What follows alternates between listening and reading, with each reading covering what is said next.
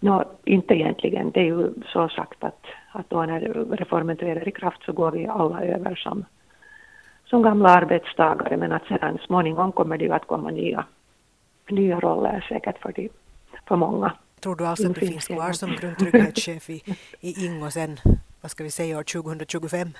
Nej, det finns jag inte och jag är en glad pensionär.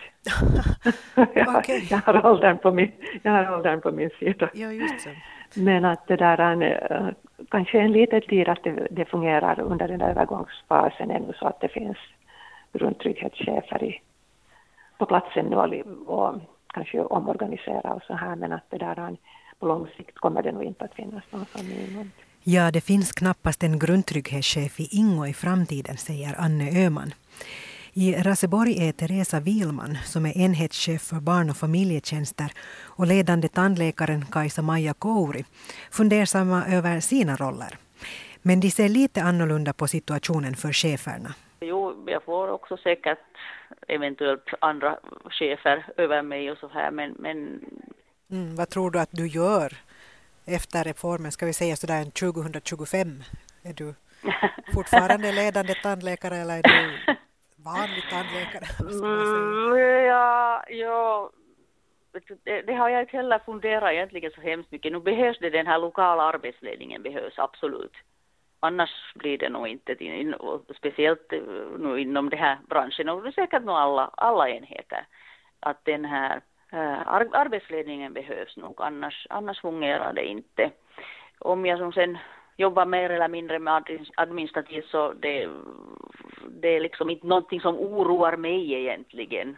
Jag jobbar gärna med båda deras. Så, så att eh, på det sättet känner jag mig liksom hotad eller osäker för jag vet att det arbetet finns. finns så. Det är det som är så svårt att, att förutspå så här att, att eh, landskapet eh, det, där blir ju säkert den här administrativa sidan, alltså den chefskapet kan jag tänka mig att bli mera centrerat till, till vissa delar av landskapet.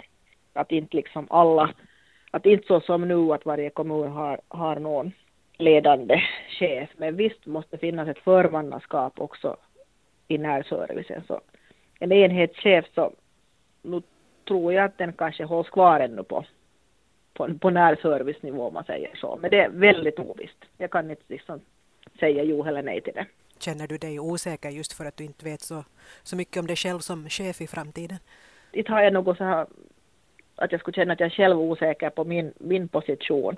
Utan kanske mer det här eftersom jag har, har ett ledarskapsansvar att tänka att resurserna inom det sociala, att hur ska vi få det synligt redan nu och hur ska vi få dem liksom bevarade inom närservicen när landskapsreformen kommer och om den kommer och hur den kommer. Att det kanske är mer den, den delen som jag är orolig för. Hur är det med liksom den här vanliga arbetaren så att säga, som den vanliga vårdpersonalen? Hur, ja. hur påverkar det här dem? Hur, hur, ser du på det?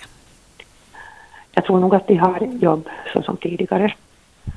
Sedan är det ju det att vilken organisation, att hör, är det då landskapet som som leder, som har hand om den verksamhet de jobbar i eller kommer de att överföras på privata aktörer?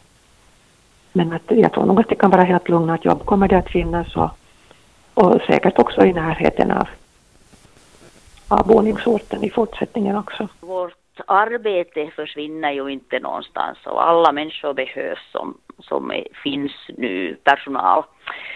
Det, hellre blir det tvärtom att det här behovet för munhälsovård kommer att öka eftersom människorna har mer och mer egna tänder i munnen. Och, och det där. Och det, det för, vårt behov försvinner inte någonstans. Men eh, troligt att vi blir utan jobb i alla fall, det är nog